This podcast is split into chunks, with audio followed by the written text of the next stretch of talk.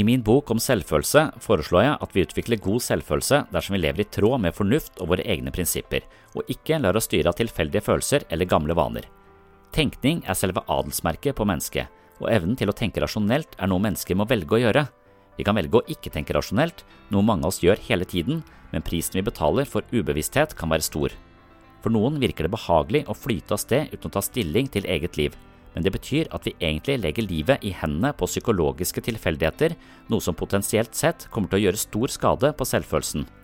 Når vi lever på autopilot, gjør det vi tror andre forventer, handler på følelser, lar humøret bestemme vår yteevne, eller lar følelsessvingninger avgjøre hvorvidt vi føler oss verdifulle eller ikke, har gitt avkall på rasjonell tenkning. Det er som å la en full pirattaxisjåfør uten stedsans kjøre deg hjem fra byen, og da vet du aldri hvor du havner. Hør mer om selvfølelsens psykologi i episode 167 og 168 på min podkast Sinnssyn.